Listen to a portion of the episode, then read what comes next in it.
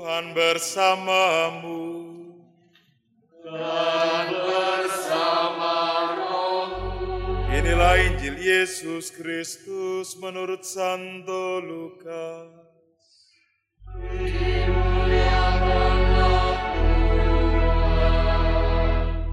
Sekali peristiwa Yesus berkata kepada murid-muridnya, ada seorang kaya yang mempunyai seorang bendahara. Kepadanya disampaikan tuduhan bahwa bendara itu menghamburkan miliknya. Lalu ia memanggil bendara itu dan berkata kepadanya, Apakah yang telah kudengar tentang engkau? Berilah pertanggungjawaban atas apa yang engkau kelola, sebab engkau tidak boleh lagi bekerja sebagai bendahara. Kata bendahara itu dalam hatinya, apakah yang harus aku lakukan? Tuanku memecat aku dari jabatanku sebagai bendahara. Mencangkul aku tidak kuat, mengemis aku malu. Aku tahu apa yang akan aku lakukan, supaya apabila aku dipecat dari jabatanku sebagai bendahara, ada orang yang akan menampung aku di rumah mereka. Lalu bendahara itu memanggil satu demi satu orang yang berhutang kepada tuannya. Katanya kepada yang pertama, Berapakah utangmu kepada tuanku? Jawab orang itu, seratus tempayan minyak. Lalu kata bendahara itu kepadanya, Terimalah surat utangmu, duduklah dan tulislah segera lima puluh tempayan. Kemudian ia berkata kepada yang kedua, Berapakah utangmu? Jawab orang itu, seratus pikul gandum.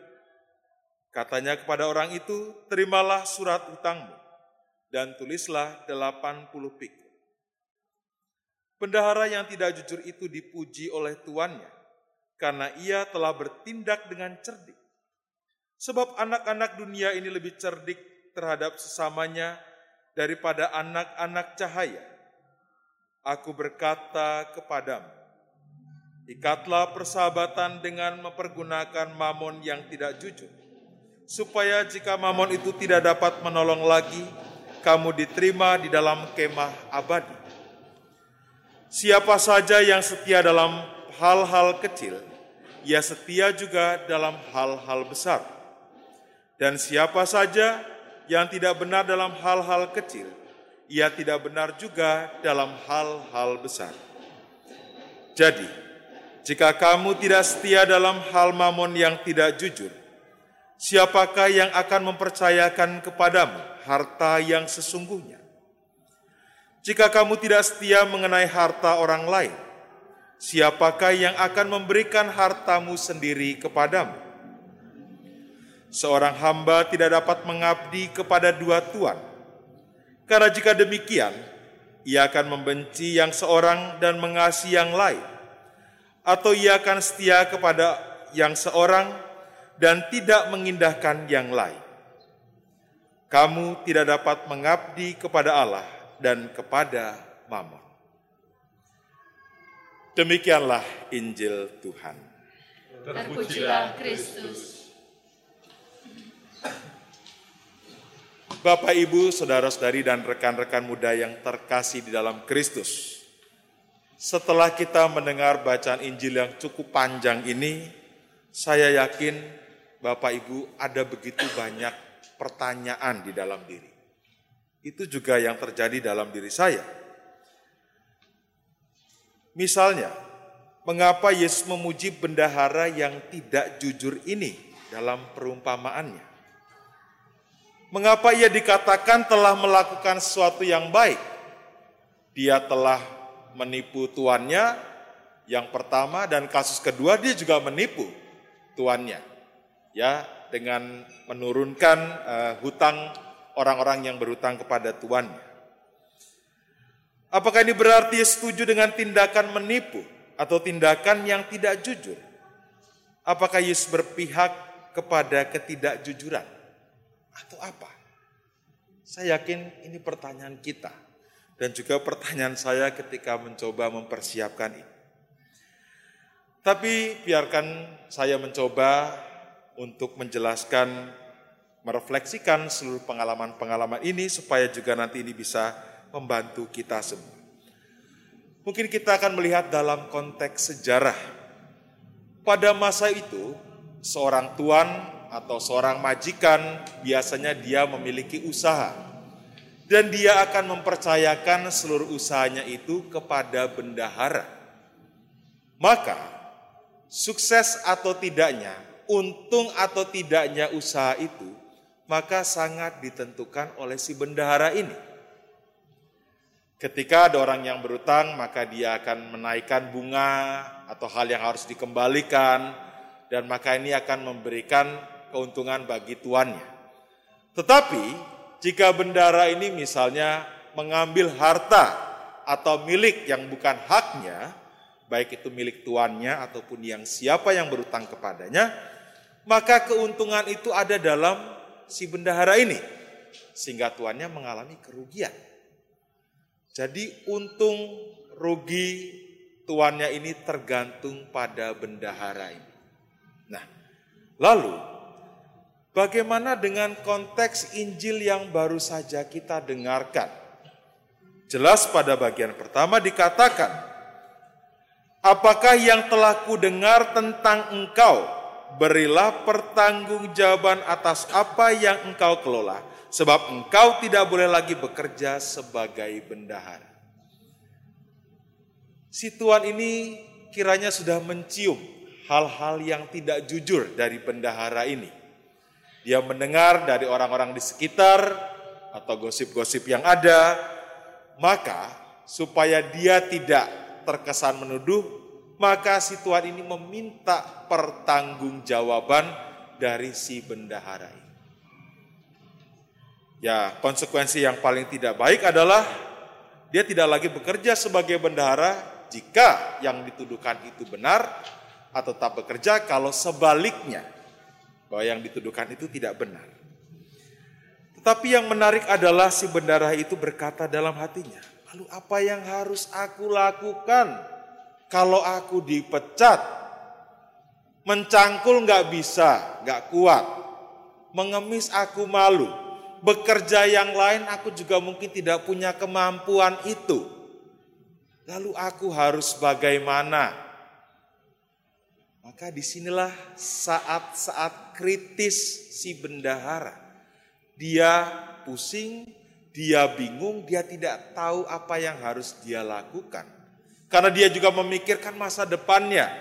Ya keahlianku ini hanya sebagai bendahara. Di sinilah saat-saat kritis dan juga saat-saat berahmat. Kenapa bisa dikatakan berahmat? Akhirnya dia memunculkan atau menemukan ide. Dia panggillah orang-orang yang berutang kepada tuannya. Oke, berapa utangmu kepada tuanku? 100 tempayan minyak. Oke, tulislah 50 saja. Ya, tulis 50. Kamu untung toh? Jadi tidak 100, ya. Nah, Tulis saja. Orang ini yang pertama menerima. Yang kedua, utangmu berapa? 100 pikul gandum. Ya sudah, tulis saja 80. Kamu untung toh? Jadi untung 20 tidak harus mengembalikan kepada saya. Dari kacamata yang meminjam, mereka untung. Tapi kalau dalam kacamata tuannya, rugi. Darinya 100 menjadi 50, 100 menjadi 80 tuannya itu sudah dirugikan dua kali.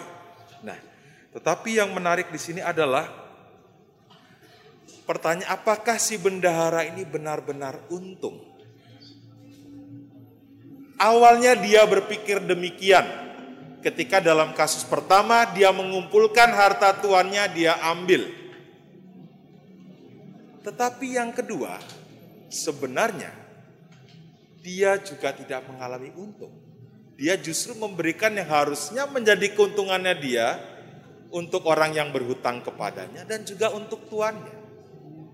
Jadi dia tidak mendapatkan apa-apa. Dia tidak untung sama sekali.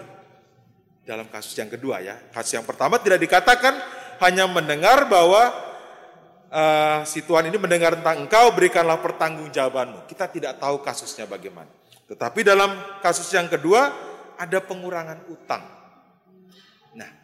Di sinilah Kalau dilihat, ya licik juga si bendahara ini.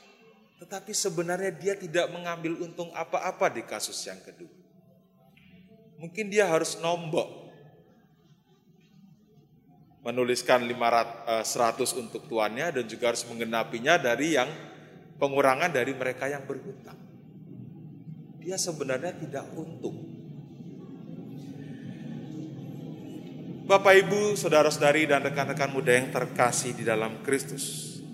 Bagaimana kita melihat bendahara ini dan relasinya dengan Tuhan. Bagi saya ada beberapa hal yang menarik dari apa yang dilakukan oleh si bendahara ini.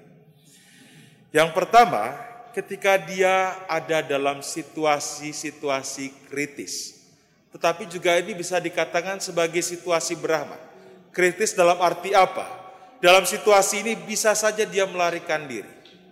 Bisa saja dia mengiyakan. Lalu masa depannya bagaimana? Tetapi dia memikirkan bagaimana supaya saya untung. Ya, untung dalam arti tetap menjadi bendahara. Tetapi juga saya melepaskan harta yang saya miliki supaya win-win solution. Nah, rahmat adalah peluang bagaimana dia mengambil kesempatan itu atau tidak. Ya, dia hening sejenak, dia mencoba berpikir secara jernih. Yang kedua, bendahara ini tidak sembunyi dari masalah yang dihadapi. Dia tidak menyalahkan siapa-siapa, dia hanya mencari jalan yang ketiga. Supaya semuanya menjadi baik.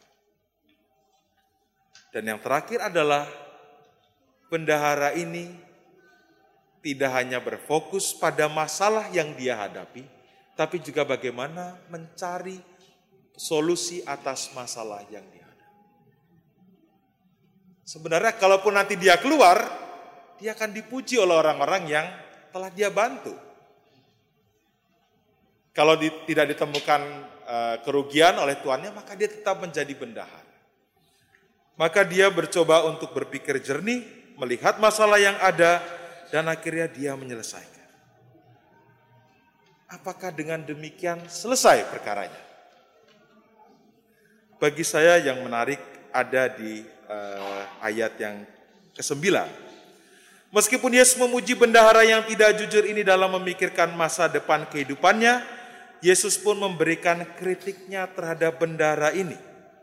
Dalam ayat 9 dapat kita lihat sebagai teguran Yesus. Bagi Yesus membangun persahabatan dengan berdasarkan materi atau uang adalah sebuah kesia-siaan. Hubungan ini dibangun di atas dasar yang rapuh berdasarkan dia relasinya untung rugi materi dan uang. Ucapan Yesus ini menjadi sindiran, tapi juga memberikan sesuatu yang tajam. Barang siapa membangun persahabatan dengan mamon, yang tidak jujur akan menghasilkan perbuatan yang licik dan mendapatkan persahabatan yang semu. Yang dilakukan bendahara ini bukan baik-baik saja. Ada hal yang perlu dipuji, tapi juga hal yang dikritik oleh Yesus.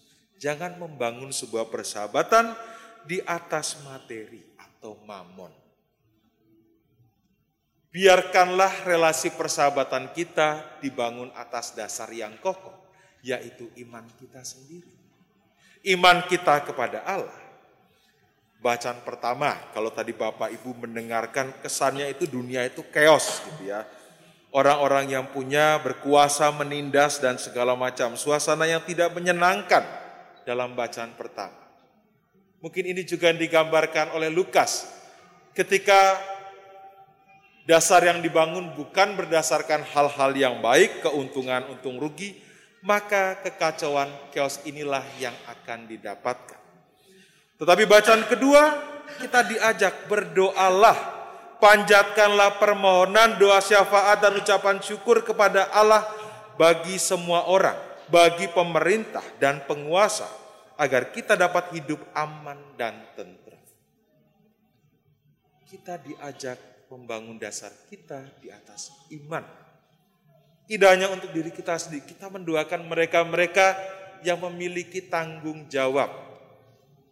Kepala negara, kepala pemerintahan, orang-orang yang mengambil keputusan, kita diajak untuk berdoa, memohon rahmat, supaya mereka, langkah yang mereka ambil juga didasari atas dasar iman, pengalaman akan cinta kasih Allah. Bapak Ibu, saudara-saudari dan rekan-rekan muda yang terkasih dalam Kristus, dari pengalaman bendahara ini kita diajak membangun dasar yang kokoh. Kita diajak untuk melihat segala sesuatu lebih luas. Kita diajak untuk menimbang segala hal dengan matang. Kita juga diajak untuk juga tidak berfokus pada apa yang kita alami, tapi kita mencari hal-hal atau peluang-peluang lain yang bisa jadi ini adalah rahmat bagi hidup kita. Maka marilah kita hening sejenak, kita mohon rahmat Allah, supaya kita diberikan keberanian untuk membangun dasar hidup kita di atas iman kepada Allah. Amin.